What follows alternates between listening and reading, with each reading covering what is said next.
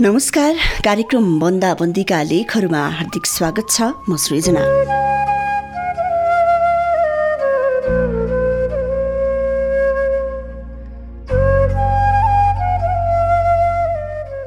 लकडाउनले हामी धेरैको दैनिकीलाई अप्ठ्यारो पारिदिएको छ। यो लकडाउनमा बस्दा तपाईँ तपाईँकै अनि म मेरै अप्ठ्याराहरू सम्झिरहेका छौँ।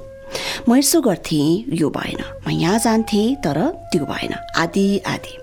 यो बिचमा हामीले सधैँ देखिरहेका अनि हाम्रो नजरमा परिरहेका सानो नाङ्लोमा पसल भएकाहरू अनि दैनिक कमाएर छाक टार्नेहरूको दैनिकी कसरी बितिरहेको छ होला? सम्झना त हामीलाई पक्का आउँछ घरभित्र बस्दा आफ्ना मित्रहरूको आफन्तहरूको। तर सम्झनामा तपाईँ हिँड्ने बाटोको छेउमा भएको नाङ्लो पसल आयो कि आएन? कुनै दिन तपाईँलाई अप्ठ्यारोमा सहयोग गरेका ती भारी बोक्ने दाईलाई तपाईँले सम्झनु भयो कि नै? आउनु श्रोता आजको कार्यक्रममा यस्तै कुराकानी गरौँ। आजको बन्दाबन्दीका लेखहरूमा हेर्ने कथाबाट साभार गरिएको एउटा लकडाउन डायरी मैले लिएको छु। यसलाई लेख्नु भएको छ मिनेश गुरुङले मकै पोल्ने आमालाई एउटा पत्र भन्ने शीर्षक दिएर। बन्दाबन्दीका लेखहरूमा तपाईँ पनि आफ्नो लेख पठाउन चाहनुहुन्छ भने कम्तीमा पाँच सय शब्दसम्म नघटाइकन तपाईँले आफ्नो दैनिकी लेखेर कालिम्चोक एफएमको फेसबुक पेजमा म्यासेज गरिदिन सक्नुहुन्छ। र आजको बन्दाबन्दीका लेखहरूमा मकै पोल्ने आमालाई एउटा पत्र। पत्र यसरी सुरु हुन्छ।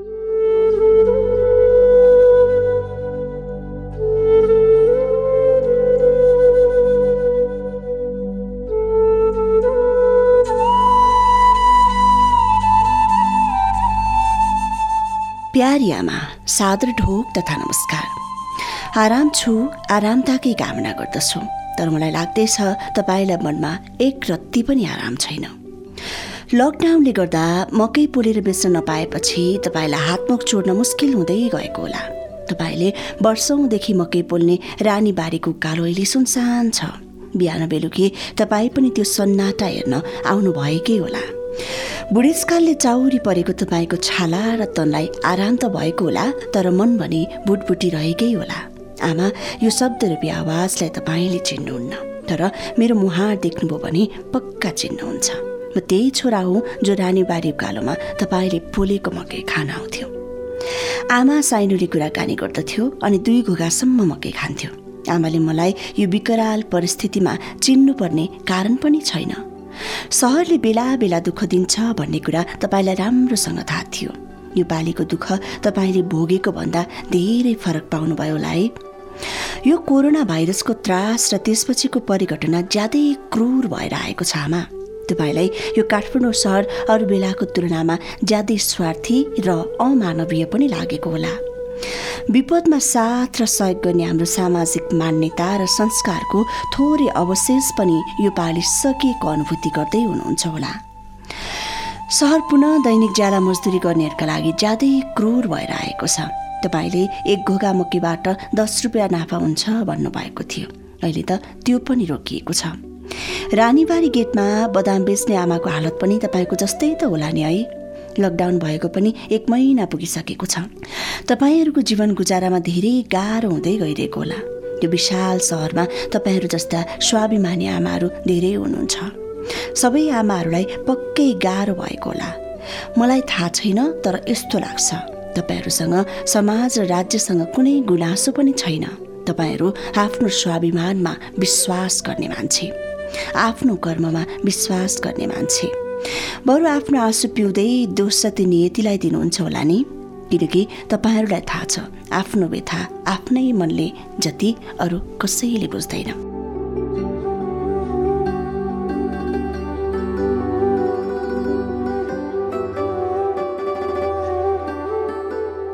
यति बेला म तपाईँहरूलाई सम्झिरहेको छु। सरकारले तपाईँ जस्तै परिवारहरूका लागि राहत प्याकेजको घोषणा गरेको छ। तपाईँले राहत प्याकेज पाउनुभयो कि भएन? मेरो मनले तपाईँले त्यो राहत प्याकेज पाउनु भएको छैन झै लागेको छ। राज्यले तपाईँको दैलो पत्ता लगाउन सक्दैन। तपाईँको दैलो पत्ता लगाउन राज्यको आँखाको चस्माको पावरले काम गरेको छैन।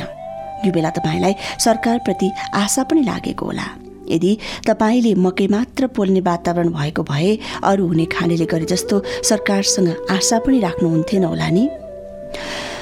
कोरोना भाइरस पछिको विकराल अवस्थामा लाजिमपाट रानीबारी क्षेत्रको तपाईँ जस्तै तिनजना पौरखी स्वाभिमानी आमाहरू झलझली सम्झिरहेको छु।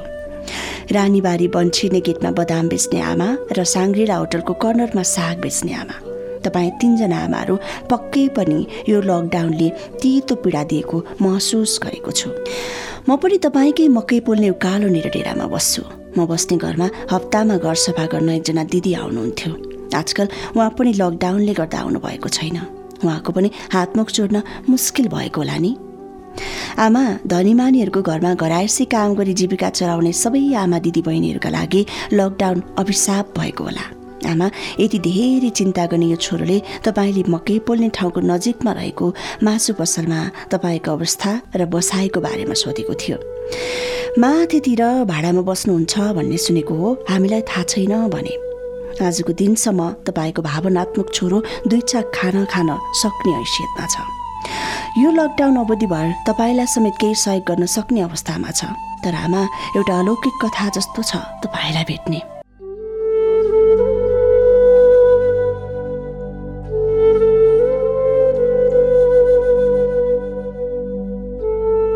आमा योभन्दा ठुलो विडम्बना के होला है? बोक धेरै शक्तिशाली हुन्छ भन्ने तपाईँलाई राम्रोसँग थाहा छ। यदि तपाईँलाई बुढेसकालले नगाजेको भए धेरै पहिले छोडिआएको गाउँमा हिँडेर जानुहुन्थ्यो होला। मध्यराति लकडाउनलाई छल्दै भाले बास्दा ठानकोट कटेर अगाडि निकै पर पुग्नुहुन्थ्यो होला। अहिले त्यो आँट गर्नुभएको छ कि छैन कुन्नी? अन्तमा आमा तपाईँले मकै पोल्ने स्थानको वरपर फेरि पनि एकपटक तपाईँको सोधीखोजी गर्नेछु। तपाईँको अवस्थालाई फेरि एकपटक पत्ता लगाउने कोसिस गर्नेछु। आमा भेट्न सकिएन भने खोइ के गर्नु?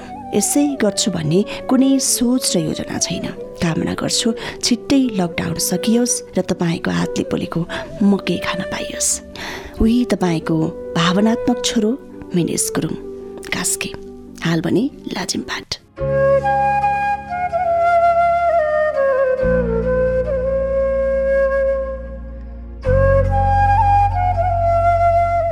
मिनिस गुरुङले लेख्नु भएको मकै आमालाई एउटा पत्र शीर्षकको लकडाउन डायरी आजको कार्यक्रम बन्दाबन्दीका लेखहरूमा प्रसारण गरे श्रोता मित्र।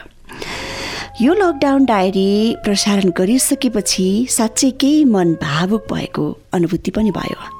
तपाईँ मलाई सुनेर बस्नुहुने श्रोताहरूलाई पनि पक्का यो पत्रले अलिकति भावुक बनायो होला। सक्नुहुन्छ भने छेउमा रहेका तपाईँको वरिपरि रहेका यस्तै पात्रहरूलाई सम्झने कोसिस एकचोटि गरिदिनु होला आजलाई बन्दाबन्दीका लेखहरू यति नै। भोलि फेरि यस समयमा अर्को एउटा बन्दाबन्दीका लेखहरूको साथमा उपस्थित हुने नै छु। यतिन्जेलसम्म सुनेर साथ दिनुभयो। तपाईँ सम्पूर्ण श्रोताहरूलाई विशेष धन्यवाद र प्राविधिक मित्र प्रहलादलाई विशेष आभार भन्दै म बिदा हुन्छु। नमस्कार।